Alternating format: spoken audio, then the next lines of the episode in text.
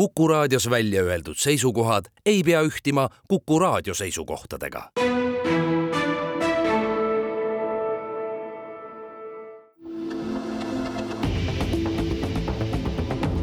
kahevahel. kahevahel Timo Tarve ja Ainar Ruussaar alustamas igareedest vestlussaadet Kahe vahel ja Tartu stuudios on haridus- ja teadusminister Kristina Kallas, tere! tere! Kiviõlist pärit Kristina Kallas on hariduselt ajaloolane, samalt erialalt saanud magistrikraadi ning doktorikraadi pälvinud poliitikateadustest. töötanud muuhulgas OSCE konsultandina Kõrgõzstanis, Moldovas ja Gruusias, juhtinud neli aastat Tartu Ülikooli Narva kolledžit ning olnud Integratsiooni Sihtasutuse nõukogu juht aastal kaks tuhat kaheksateist asutas erakonna Eesti kakssada ning oli selle esimene esimees. mullusest kevadest töötab haridus- ja teadusministrina. See on ilus ja särav karjäär, Kristina, aga me peame nüüd rääkima haridus- ja teadusministri ilmselt tõsisemast hetkest, mis esmaspäeval pihta hakkab, see on esmaspäeval algav õpetajate streik. Esmalt, streigiga ühinemine on vabatahtlik, kuidas see siis välja näeb, matemaatikaõpetaja ei streigi, tema tund toimub, aga samal ajal ja sama kooli võõrkeeleõpetaja streigib, tema tundi ei toimu igas koolis on see erinev ja see kõik sõltub sellest, kui suur osa õpetajaid koolis streigib. kui streigib väiksem osa, siis tõenäoliselt on töö koolis niimoodi korraldatud, et tunniplaani järgi tööd, õppetöö toimub ja siis need tunnid, mis siis ei ole võimalik anda, sellepärast et nende tundide õpetaja streigib, sel juhul on siis kas asendustund või on mingi muu tegevus aga nendes koolides, kus enamus õpetajaid streigib või, või ligi üheksakümmend protsenti õpetajaid streigib, siis üksikute tundide andmine muidugi on võimalik, aga tihti on koolid korraldanud äh, selle päeva äh, siiski teistmoodi. Ja on korraldatud ka niimoodi, et on äh, kas distantsõppele lapsed suunatud ehk siis iseseisvale õppele või on tehtud näiteks valikkursuste nädalaid, mida gümnaasiumid teevad, ehk siis kutsuvad külalislektoreid ja õpilased tegelevad külalislektoritega hariduskorralduses on ikka paras sasi pundar, te ise ka tunnistate seda, kes siis ikkagi vastutab õpetajate palga, töötingimuste, järelkasvu, koolivõrgu eest? palgatoetust maksab ja alampalga kehtestab riik, õpetajate tööandjad ja reaalsed palgamaksjad on omavalitsused, noh seletage palun lahti. Jaa, meil on Eestis jagatud vastutus, õpetaja palga ja õpetaja järelkasvu Äh, eest on jaga-, jagatud vastutus, ehk siis vastutavad nii koolipidajad äh, kui ka äh, Haridus- ja Teadusministeerium või siis Vabariigi Valitsus. Ja ähm, noh, see mudel on küll nüüd juba peaaegu kolmkümmend aastat vana, aga ta tekitab sellise olukorra, see jagatud vastutus tekitab sellise olukorra, kus mingil hetkel, kui on kriis, siis justkui nagu mitte keegi ei vastuta, kõik näitavad näpuga üksteise peale et ühed ütlevad, et omavalitsus peab tagama selle, et õpetajal oleks hea palk ja töötingimused paigas, teised ütlevad, et riik peab selle tagama, et õpetajal oleks hea palk. Ja, ja keegi justkui nagu ei vastuta ja sellises olukorras on tõesti nagu vähemalt viimased kümme aastat äh, see asi olnud äh, sellise, sellises situatsioonis, kus lihtsalt raha peale makstes on siis püütud seda nii-öelda rahulolematust äh, vaka all hoida, aga tegelikult me peame ikkagi päriselt äh, selle probleemi ära lahendama. meil on kaks viisi, kuidas me saaksime seda lahendada et kui me läheme nii-öelda Põhjamaade mudeli juurde, kus koolipidaja on kohalik omavalitsus, äh, tema määrab õpetajate palga, tema määrab õpetajate töötingimused, äh, riik küll annab palgatoetust, aga kannab selle otse omavalitsuste eelarvesse ilma igasuguse nii-öelda sildita ja, ja ametiühingud, õpetajate ametiühingud siis räägivad läbi omavalitsustega õpetajate töötingimusi ja palgatingimusi. teine variant on nii-öelda pigem Kesk- ja Lõuna-Euroopa oma, kus õpetaja on riigi palgal, äh, ta, ta võib töötada küll omavalitsuse koolis, aga ta on riigiteenistuja, riik määrab ära tema töötingimused, tema koormuse, tema karjääri ja tema, maksab ka tema palga, et äh, et me peame tegelikult siin kokkuleppele jõudma, sellepärast et selline süsteem nagu jagatud vastutuse süsteem, nagu meil täna on, meid siiski ei teeni ja, ja, ja selle tulemusena kannatavad ju kõige rohkem ikkagi lapsed ja, ja õpetajad ise. proua minister, kelle vastu siis õpetajad õigupoolest streikima hakkavad? Nad streigivad nii Vabariigi Valitsuse kui ka kohaliku omavalitsuse vastu, oma tööandja vastu. aga noh, nad ise, õpetajad muidugi rõhutavad, et nad ei streigi kellegi vastu aga noh, see on, mina seda ei pea õigeks niimoodi kommunikeerida, sellepärast kui on töötüli, mis meil on praegu töötüli, siis peab äh, see töötüli tulemusel ju leitama lahendusi ja seal peab olema selge, kelle vastutada on lahenduste otsimine. Nii et äh, lahenduste otsimine on siin täna riigi ja kohalike omavalitsuste ülesanne, äh, sest vastutus on mõlemapoolne ja tuleb see ülesanne ühiselt ka ära lahendada väga õige, kui on mitu vastutajat, siis ei vastuta tegelikult mitte keegi, seda on üsna paljud toredad ja tublid pedagoogid mulle vähemasti kunagi õpetanud ja rääkinud. kuulge, aga sama suur sasipunder on uudiseid jälgiva lihtinimese jaoks või üldsuse jaoks see, kui jutuks tulevad mingisugused kõnelused. palun selgitage lahti nüüd, kes, kellega, mille ja mis tingimuste üle läbi räägib. läbi on käinud mitmed mõisted, selleaastane palgatõus, kolme aasta palgatõus, karjäärimudel, töötingimused, läbirääkijad, kohalikud omavalitsused, riik, õpetajad, kuskile sekkub seal ka riiklik lepitaja, tõesti ei saa -hmm. enam aru jaa, äh, meil on põhikooli ja gümnaasiumiseadus näeb ette, et õpetajate alampalga määra osas räägivad läbi äh, ühelt poolt siis Vabariigi Valitsus ja kohalikud omavalitsused ehk siis õpetajate tööandjad ja teiselt poolt siis õpetajate esindusorganisatsioon, kelleks on siis EHL EHL äh, on saatnud läbirääkimiste kutse või saatis, tähendab eelmise aasta juunikuus äh, nii Omavalitsuste Liidule kui Haridus-Teadusministeeriumile neid palgaläbirääkimisi alustada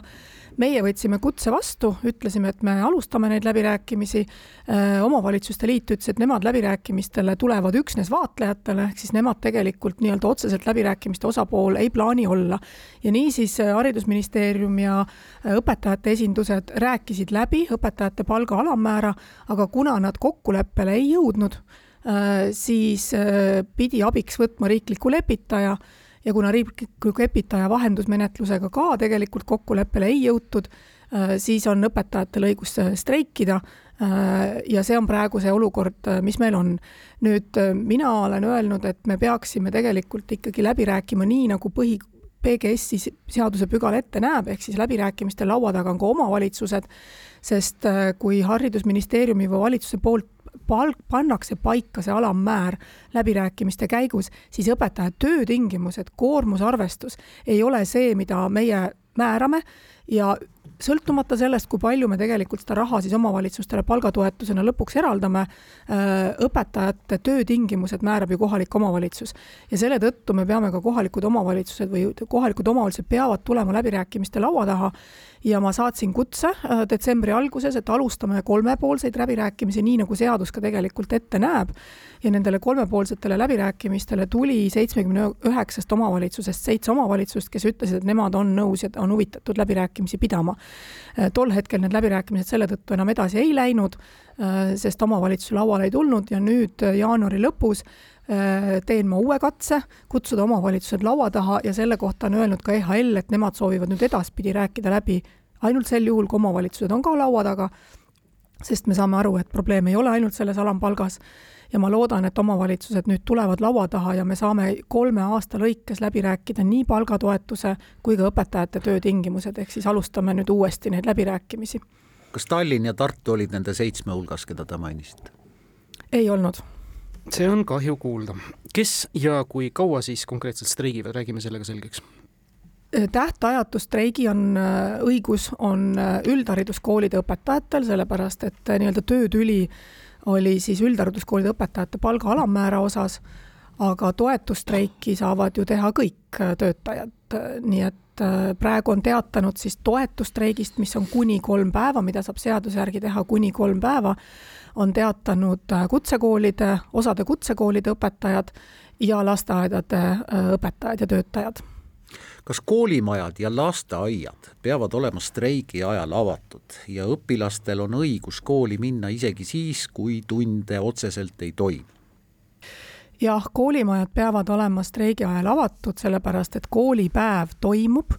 Äh, meil on põhikooli ja gümnaasiumi seaduses määratud sada seitsekümmend viis koolipäeva kooliaasta jooksul ja keegi neid päevi lühendanud ei olnud, streik ei jäta ära koolipäeva, äh, mille tõttu koolipäev toimub. nüüd äh, see sõltub loomulikult sellest, kuidas on kooli poolt see koolipäev korraldatud, see koolipäev võib toimuda ka distantsõppel aga nendel lastel, kellel ei ole võimalik kodus ka õppida distantsõppe hetkel, nendel peaks olema siiski võimalus ka koolimajja tulla ja seda nii-öelda distantsõpet teha koolimajas ja kuna, kui toitlustajad ja sööklatädid ei streigiga, sest nendel on ka tegelikult õigus toetusstreiki korraldada. kui nemad ei streigi, siis on võimalik ja peaks olema võimalik korraldada lastele ka toitlustus koolis. vot selleni ma tahtsin jõuda, kahjuks on Eestis perekondi, kahjuks, kus koolilõuna on mõneti võib-olla ainus soe söök. seda siis peaks nagu laps saama? seda peaks laps saama, äh, sellepärast et nagu ma ütlesin, koolipäev lapsel tegelikult toimub koolipäev on tal toi-, lahti, nii et kool peaks lahti olema ja lapsel peaks olema võimalus oma koolipäeva läbi viia ka koolis koolimajas. kas lapsele peaks sellisel juhul võimaldama ka kooli poolt ette nähtud kõikvõimalikud õppevahendid, näiteks arvuti? Äh, noh, arvuti ei ole kohustuslik õppevahend, aga kui on distantsõppele minek ja eeldatakse iseseisval tööl arvuti kasutamist, siis muidugi võiks äh, lapsele võimaldada kooli poolt ka arvutit ja reeglina seda ka tehakse, et, et seda meil selliseid probleeme, et äh, lapsel ei ole õppevahendeid, meil Eestis ei ole siiski väga palju ette tulnud enne kui pausil lähme, kas omavalitsusel on õigus otsustada, kas õpetajad saavad streigi ajal palka või mitte? üldiselt on ju nii, et streigi ajal palka ei maksta ka seadus ütleb, et streigi ajal töötasu ei maksta. Äh, seetõttu äh, minu hinnangul on streigi ajal töötasu maksmine mitte õige ja see, kui omavalitsused seda teevad, siis nad tegelikult ikkagi äh, käituvad seadusevastaselt, sest nad on ise tööandjad kelle vastu ju tegelikult põhimõtteliselt see streik äh, on. nii et äh, ja, ja streigi ajal, äh, kuna streigi ajal peatuvad nii töölepingulised kohustused ühelt poolt streikijal, eks ole, temal on õigus tööd mitte teha, neid kohustusi, mis tal töölepingus on, mitte täita, täpselt samamoodi on õigus siis tööandjal omapoolseid kohustusi töölepingus mitte täita, ehk siis mitte maksta töötasu. siinkohal läheme väikesele pausile ja seejärel jätkame saadet kahe vahel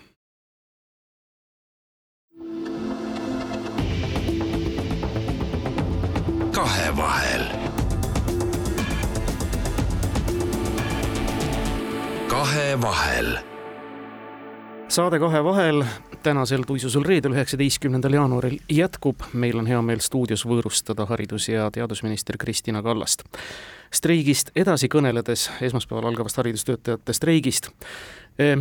ehm, osa streigist on jõudnud juba murelike avalduste näol ka minu teada õiguskantsleri kantseleisse ja põhimõtteliselt need küsimused puudutavad laste õigust haridusele,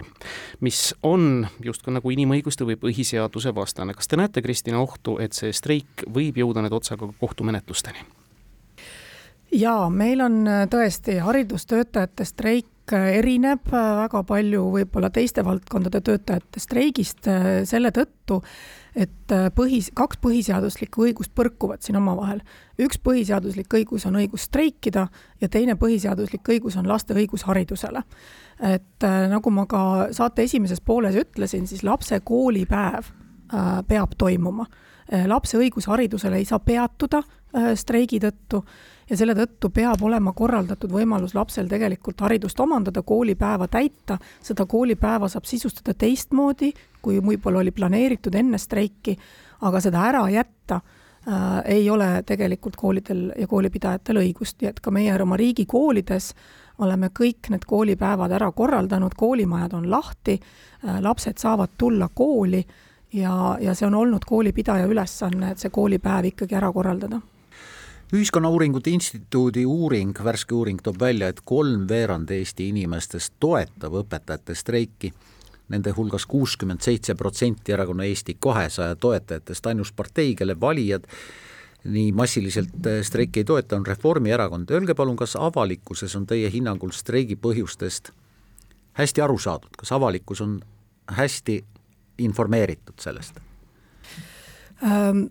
Tõenäoliselt on segadus äh, streikijate nõudmiste osas, äh, et ei ole päris selge, mis on see, mida nõutakse äh, streigi puhul, et kas see on ainult alammäär, sest õpetajad ise on erinevates avalikes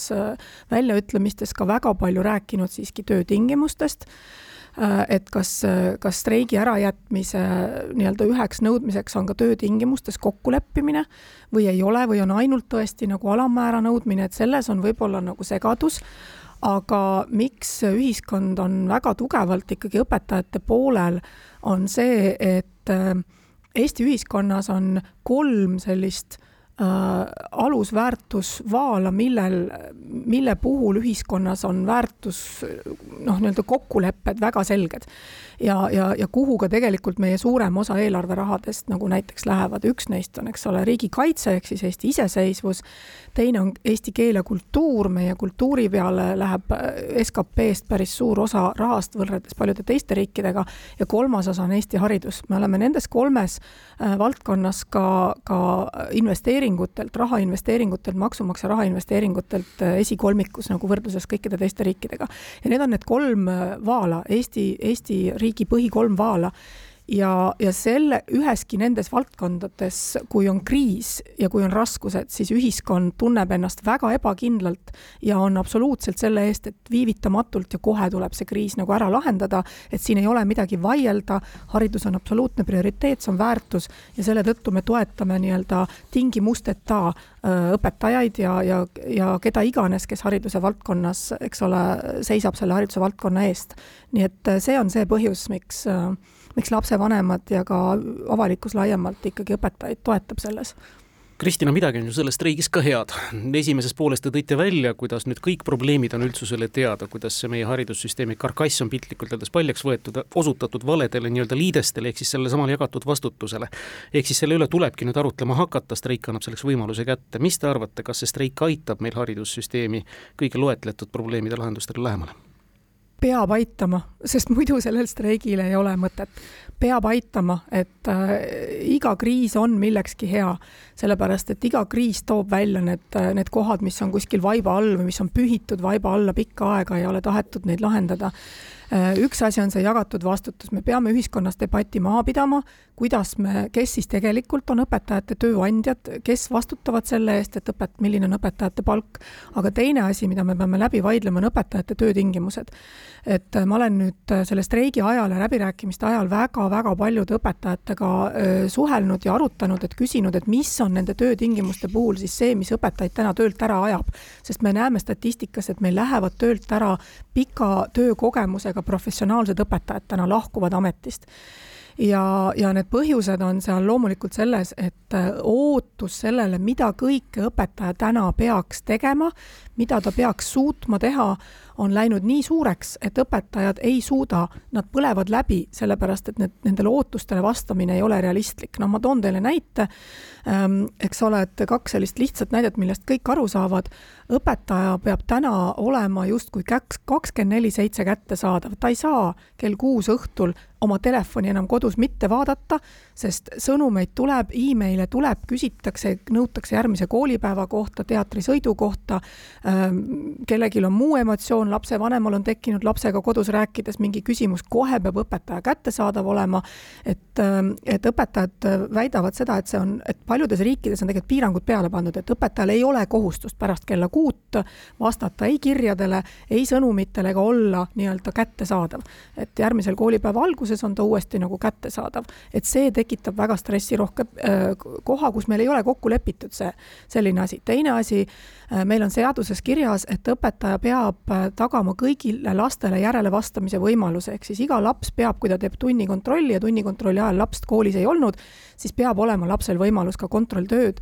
näiteks järgi teha. meil käiakse väga palju puhkamas kooli, koolivaheaja välistel aegadel ja õpetajatel on väga palju lapsi erinevates klassides, kellega nad peavad järelevastamist kogu aeg tegema, need on kõik lisaaeg, lisatunnid, lisakoormus õpetajatele. Need on kaks sellist lihtsat näidet, kus me võiksime kokku leppida ühiskonnas, et me ei käi koolivaheaja välistel aegadel piisavalt kaua reisidel või kui käime, siis see, see nii-öelda äh, ära jäänud õppetöö järele tegemine on siiski äh, lapsevanema ja lapse enda vastutus sel juhul äh,. või siis, et see, et me lepime kokku, et pärast kella kuut õpetaja ei pea äh, olema kakskümmend neli seitse kättesaadav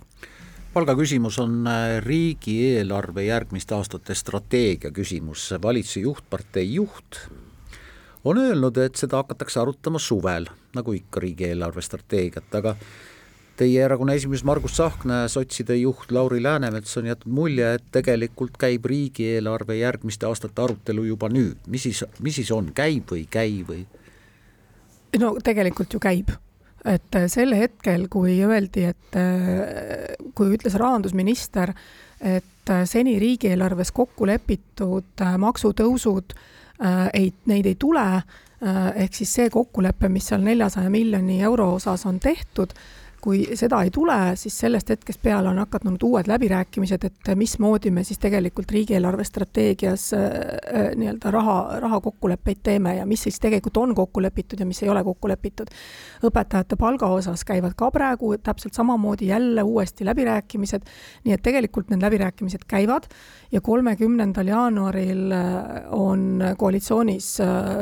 terve päeva Äh, iseenesest seesama koosolek, arutelu, kus me neid riigieelarve strateegia punkte äh, ka arutame, et mismoodi me lahendame ära selle probleemi, et meil on riigieelarves väga-väga suur ja aina kasvav puudujääk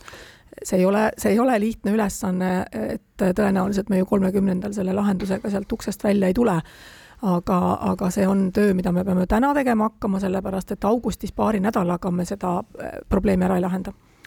kindlasti mitte. kuidas nüüd on, neljapäevad on jälle muutunud arvutite juures väga lõbusaks, vaadates, kuidas kaks meest, need on Läänemets ja Tsahkna, võtavad kolmanda kallal, kelleks on Võrklaev ja siis kuskil seal on ombudsman ja hea ingel Kaja Kallas, kes siis rahustab poisid maha. kas on see streigiõpetajate palgaküsimus nüüd konkreetselt valitsusliidu lõhki ajanud või osutanud väga teravale erimeelsusele, mida on võimatu siluda? On osutanud erimeelsusele, on osutanud sellele, et äh, meil on äh, võib-olla erinev arusaam sellest, et kus meie prioriteedid peaksid äh, antud hetkel olema. et meil on, meil on kokkulepe ja meil ei ole vaidlust, eks ole, kaitse prioriteetide osas, aga mis puudutab hariduse valdkonda, siis seal on meil erimeelsused.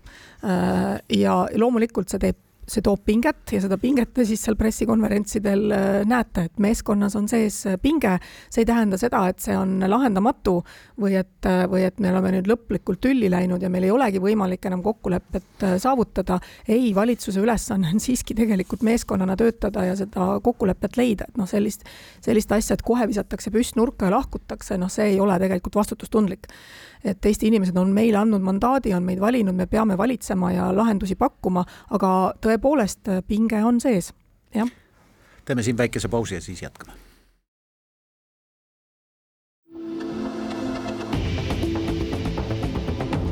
kahevahel.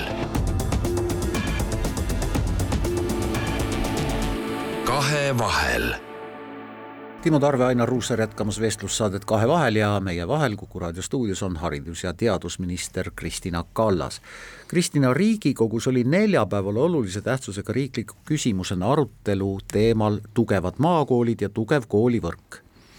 kohale registreerus istungi algul viiskümmend kaks Riigikogu liiget, puudus nelikümmend üheksa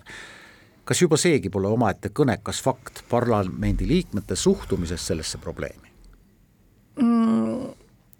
jah, ma tundsin ka, olin seal sellel arutelul ähm,. tundsin ka seda, et äh,, et äh, huvi oli minu hinnangul liiga väike, arvestades seda, kui teravalt on meil täna üleval, kui, et milliseid, meil on vaja tegelikult ka lahendusi seal, meil on vaja ühiskondlikku debatti ja kokkulepet, et äh, tõepoolest, et äh, ka minul oli natuke pettumus selles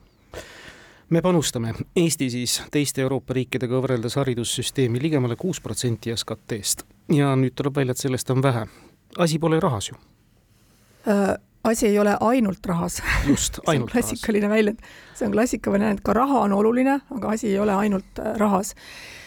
ma, ma, ma siiski klaariksin ära selle kuus protsenti SKT-st ja Eesti panustab kuus protsenti SKT-st ja kui me võrdleme, paneme Euroopa riigid nii-öelda pingeritta, siis me oleme seal esi, esiviisikus, eks ole, selle oma hariduskulude poolest, aga kui me võrdleme ennast täpselt samasuguse haridussüsteemiga riikidega, ehk siis meil on kõik haridusastmed Eestis äh, praktiliselt äh, tasuta, ehk siis noh, selles mõttes tasuta, et nad on maksuraha eest väga paljudes Euroopa riikides on tasuline nii alusharidus kui, ehk siis lasteaiad on oluliselt kõrgema tasu eest, tasuline on kõrgharidus, ehk siis, et kui me võrdleme ennast sarnaste haridussüsteemidega riikidega, milleks on näiteks Soome ja Rootsi, kelle järgi me oleme tegelikult ka oma haridusmudelit tihti ehitanud, siis meil on väga sarnane hariduskulude struktuur ja täpselt samamoodi kulutame kuus ja üle kuue protsendi SKT-st äh, haridusele, sellepärast et me oleme ühiskonnas kokku leppinud, et haridus on ühiskondlik hüve, mida me maksurahast äh, finantseerime. noh, Suurbritannias on enamus hariduse valdkondi ju tegelikult äh, inimese enda panusega ja, ja nii-öelda maksupanus on seal, maksumaksja panus on seal oluliselt madalam, nii et alati ei ole need numbrid väga võrreldavad. aga, aga teine moment on see, et Eesti koos Islandiga on tõesti kõrge maksu või selle su suure osakaaluga selle tõttu, et nii väikese keelega äh, haridussüsteemi pidamine ongi kallis et, et palju odavam oleks meie haridussüsteem sel juhul, kui me ta ole, kui ta oleks meil inglisekeelne. siis, siis me ei peaks ise kõiki õpetajaid koolitama, kõiki professoreid ise koolitama, saame rahvusvaheliselt sisse osta, sellepärast et eks ole, inglise keele baasil on võimalik seda, see turg on nii-öelda palju laiem ja Singapur on siin hea näide, neil on väga maailma tipptasemel haridussüsteem, mis toimib inglise keeles ja seal töötavad kõik maailma inimesed, et aga Eesti puhul äh, eestikeelne, omakeelne haridussüsteem, mis on alusharidus, haridusest kuni tipp, maailma tippteaduseni on kallis. see ei tule kunagi odavalt kätte ja seda ei saa võrrelda teiste riikidega, noh, Prantsusmaaga või Hispaaniaga seda kindlasti võrrelda nagu ei saa, nii et et äh, numbril ja numbril on ka väga suur vahe aga kas meil on võimalik haridussüsteemis sees nii-öelda reforme tehes ähm, raha paremini kasutada, muidugi on, muidugi on. ja Jaak Aaviksoo äh, on oma analüüsi tegemas miks ma ta palusin ka meile appi, et ta võtaks need hariduskulud tervikuna ette, sest hariduskulud on äh, suurem osa nendest hariduskuludest ei ole mitte Haridusministeeriumi eelarves, vaid nad on kohalike omavalitsuste eelarves ja näiteks ülikoolide enda, eks ole, kulud on ju ka hariduskulud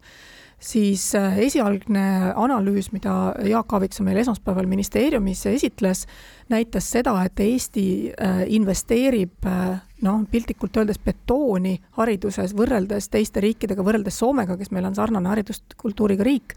kaks korda rohkem. meil on väga suured investeeringud majadesse ja see on kindlasti koht, kus me peaksime sisse vaatama ja küsima, et kas selline investeering on mõistlik, sellepärast et selle arvelt me saame vähem maksta palka äh, õpetajatele jätkan mõneti samal teemal. Mm, sellel samal Riigikogu istungil kõlas mitu korda selline väljend, et koolivõrk on tasakaalust väljas spetsialistid viitavad suurtele erinevustele maa- ja linnakoolide vahel, väikelinna ja suurlinna koolide vahel, maas asuvates koolides õpib veerand meie õpilastest, maakoolid moodustavad poole meie koolidest, seal on rohkem ilma kvalifikatsioonita ja alakoormatud õpetajaid, aga maakoole kinni panna ei saa, surnud ring me peame eristama maakooli ja defineerima ära, mis asi see maakool on. Kui me räägime maakooli puhul äh, nii-öelda torukoolist ehk siis äh, täistsükli koolist esimesest kuni kaheteistkümnenda klassini, siis tegelikult see ei ole maakool, see on nõukogude ajal ehitatud ja loodud, eks ole, äh, koolisüsteem, need torukoolid ka traditsiooniline maakool Eestis on alati olnud äh, algkool, noh, ta meie mõistes ta täna on siis põhikool või siis kuueklassiline kool, need on maakoolid. Ja kuueklassilistes koolides, äh, kui nad on ka pisikesed koolid, siis me ei saa rääkida sellest, et õpetaja-õpilase suhtarv on väike või hariduskulu seal on väga suur. see ei vasta tõele, sellepärast et algkoolis õpile-, õpetajaid, aineõpetajaid on vähe, seal on klassiõpetajad, ehk siis sellist väikeseid algkoole, kuueklassilisi algkoole on võimalik väga noh efektiivselt äh, pidada ka kodu lähedal, need ei ole hariduse mõttes äh, väga suure kuluga ja selle tõttu on ka riik äh, öelnud, et väikesed maakoolid, mille all meie peame silmas siis väikeseid kuueklassilisi algkoole, võiksid olla väga tihedalt õpilasele kätte, kodu lähedal. ja noh, väike laps, esimese klassi laps õpib paremini ja tema areng toimub paremini siis, kui see klass on väiksem, kui seal ei ole kolmkümmend kaks last, vaid seal on kümme-viisteist last nüüd, kui me räägime maagümnaasiumitest ehk siis gümnaasiumiastmest kümnendast kuni kaheteistkümnendast klassist, siis see on küll Eestis natuke võrreldes ka Soomega anomaalne, et meil on gümnaasiumeid, kus terve gümnaasiumiastme peale õpib kakskümmend kolm õpilast või kolmkümmend seitse õpilast või nelikümmend neli õpilast. Ehk siis, et äh, need on liiga väikesed ja juba selles vanuses, seitsmeteistaastaselt, vajab see noor teistsugust õpikeskkonda, tal on vaja äh, valikuid oluliselt rohkem, tal on vaja sotsiaalset keskkonda palju suuremat ja läbisaamist, nii et äh, see, see väikeste, väga väikeste gümnaasiumiastmete koondamine ja, ja sulgemine on siiski see paratamatus, mis me koolireformis peame tegema ja pikas plaanis on ikkagi see suund, et aastaks kaks tuhat kolmkümmend viis on gümnaasiumiastme pidaja meil riik. ja aga ma tahan selle kooli suuruse juurde ikka, ikka tagasi tulla, et kuidas ja kes, ma saan aru, et omavalitsus, kooli pidaja või riigigümnaasiumite puhul riik otsustab, milline on siis ühe kooli suurus kahe õpilase ja nelja õpetajaga kohalik kuueklassiline kool ei ole mõistlik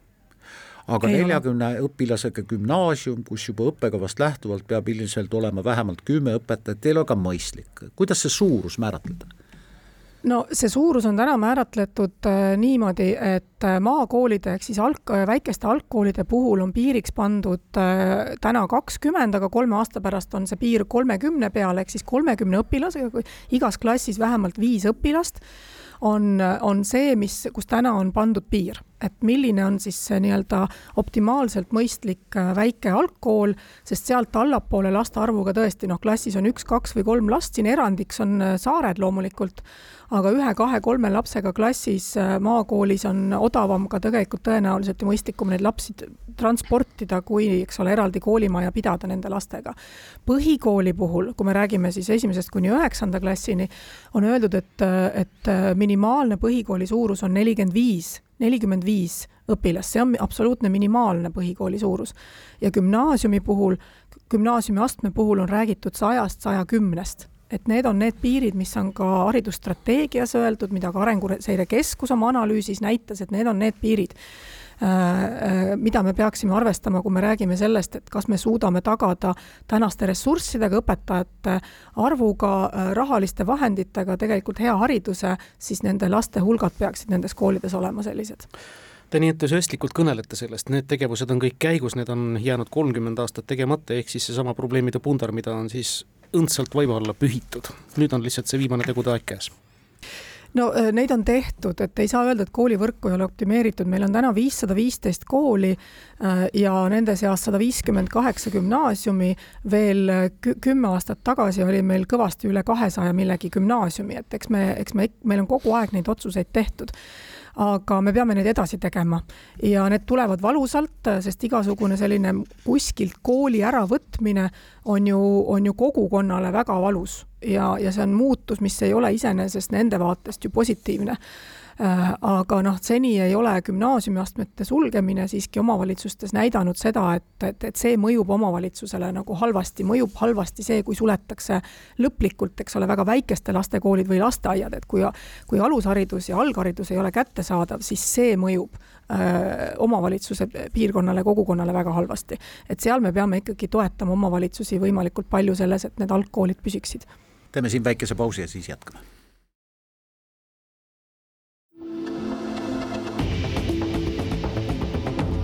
kahevahel. kahevahel. Timo Tarve, Ainar Ruussaar ja vestlussaade Kahevahel jätkub ja meie külaline on haridus- ja teadusminister Kristina Kallas. proua minister, perekonna sissetulek mõjutab õpitulemusi, nii väidavad paljud spetsialistid. kas see tõesti on nii ja kuidas see mõjutab? kas vaesema perekonna lapsed õpivad halvemini? Ehm, jah, PISA, äh, PISA tulemused, äh, eks ole, mõõda, vaatavad ka seda, et milline on õpilast, õpilaste sotsiaalmajanduslik taust, perekondlik sotsiaalmajanduslik taust. sotsiaalmajandusliku tausta all ei ole ainult küsimus lapsevanema sissetulekutes, et see on natuke nagu väärtõlgendus, et, et äh, ema või isa palgast sõltub õpilase tulemus. sotsiaalmajanduslik taust, taust tähendab ka seda, et milline on lastevanemate endi haridustase kui palju äh, tegeletakse haridusega või on nii-öelda tarbitakse kultuuri ja haridust äh, perekonnas, et kui palju see laps on kultuuri ja haridusega seotud veel väljaspool kooli. ja see mõjutab tugevasti seda, kuidas laps koolis õpib ja millised on tema õpitulemused, nii et noh, see sotsiaalmajanduslik taust on natuke laiem mõiste kui ainult lapsevanemate sissetulek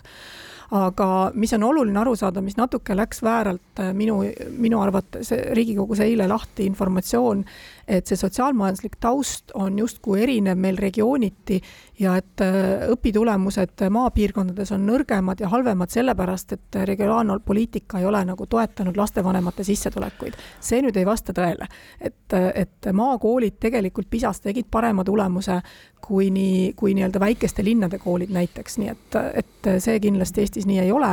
aga tõepoolest sotsiaalmajanduslik taust mõjutab seda, Äh, millised on akadeemilised tulemused äh, lapsel koolis. täiesti loogiline, ehk siis mida tihemini laps käib teatris, annab, äh, saab võimaluse käia muuseumides, kas tal on koju tellitud tähek ja nõndaviisi edasi, kõik see asi mõjutab ju paremuse poole. seega ei ole nüüd päris see meede, mis haridusministrit otse puudutab, aga milliste meetmetega saaks laiemalt selle vastu võidelda, sest et hea haridus ei tohiks olla ju privileeg, vaid see on ikkagi inimõigus ja, ja see põhiline meede on seal see, et me peame võitlema selle segregeerimise vastu, et, et meil ei tekiks, et me Eestis oleme alati hoidnud kinni ühtluskoolist, ehk siis sellest, et kõik lapsed käivad koos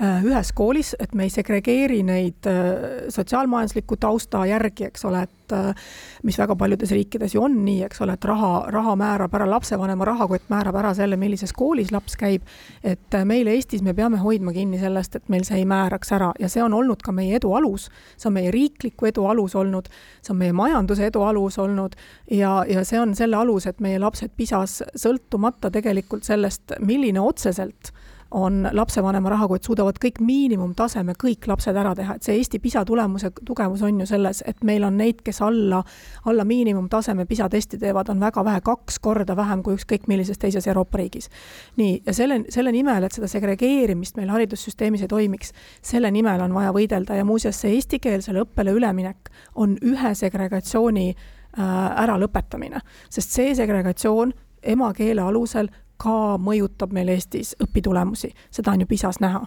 venekeelsed koolid teevad nõrgemaid tulemusi ja see on segregatsiooni tagajärg ja selle tõttu me peame võitlema selle eest, et meil ei oleks segregatsiooni ja me kindlasti ei tohiks liikuda selles suunas, et me hakkame esimeses klassis lapsi testidega eristama ja, ja neid erinevatesse koolidesse suunama, et mina ei ole äh,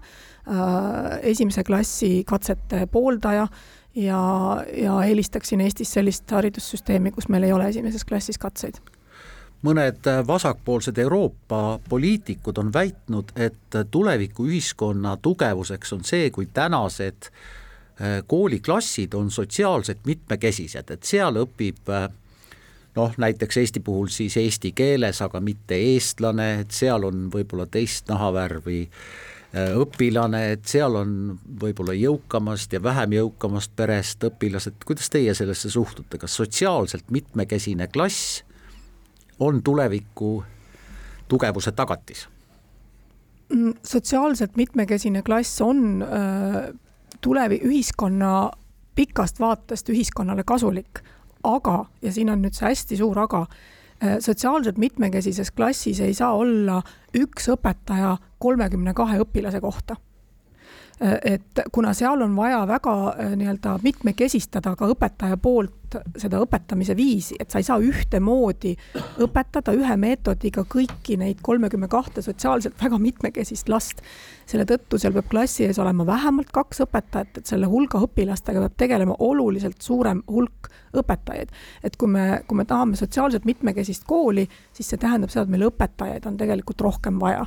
et see tänane olukord, kus me oleme küll sotsiaalselt mitmekesistamas ju tegelikult klassiruumi, oleme seda teinud ka kaasava haridusega ja teeme seda praegu ka eestikeelsele õppele üleminekuga, siis äh, see samal ajal õpetaja ressurssi juurde mitte andes, see on ka osa sellest, mis koormab täna selle õpetaja seal klassi ees ära, sest ta ei jõua ise tegeleda kõigi nende kolmekümne kahe väga-väga erineva lapsega Kristina Kallas, Statistikaameti andmetel oli nüüd esimesel jaanuaril Eesti rahvaarv üks miljon kolmsada kuuskümmend kuus tuhat nelisada üheksakümmend üks elanikku ehk veidi rohkem kui aasta tagasi. meil sündis möödunud aastal viis tuhat ükssada üksteist inimest vähem kui suri, samas asus elama viis tuhat seitsesada kaheksateist inimest rohkem kui siit lahkus. rõõmu teeb siis see, et kümme tuhat seitsesada kakskümmend last ikkagi sündis, aga tegemist on väikseima sündide arvuga alates tuhat üheksasada üheksateist. see nüüd on esimest korda Eesti ajaloos mõõdetud ajaloos, kui sündide arv on jäänud alla üheteist tuhande, need arvud peaksid meid tegelikult ju kõiki murelikuks tegema ja me jõuame nüüd siis sellise üldise poliitilise olukorrani ja lahendusteni, kuidas edasi, see on nüüd see koht, kus te mm -hmm. võite rääkida pikast plaanist Eestile äh muidugi on see väga suur murekoht ja me peame, me ei tohi kindlasti öelda, et, et siin on mingi paratamatus, millega, millega me lihtsalt peame leppima. See on üle Euroopa praegu niimoodi, et me peame aru saama, mis nende põhjused on, miks see niimoodi on. sündivus on väga-väga madal olnud ka Soomes ja Prantsusmaal ja Saksamaal ja igal pool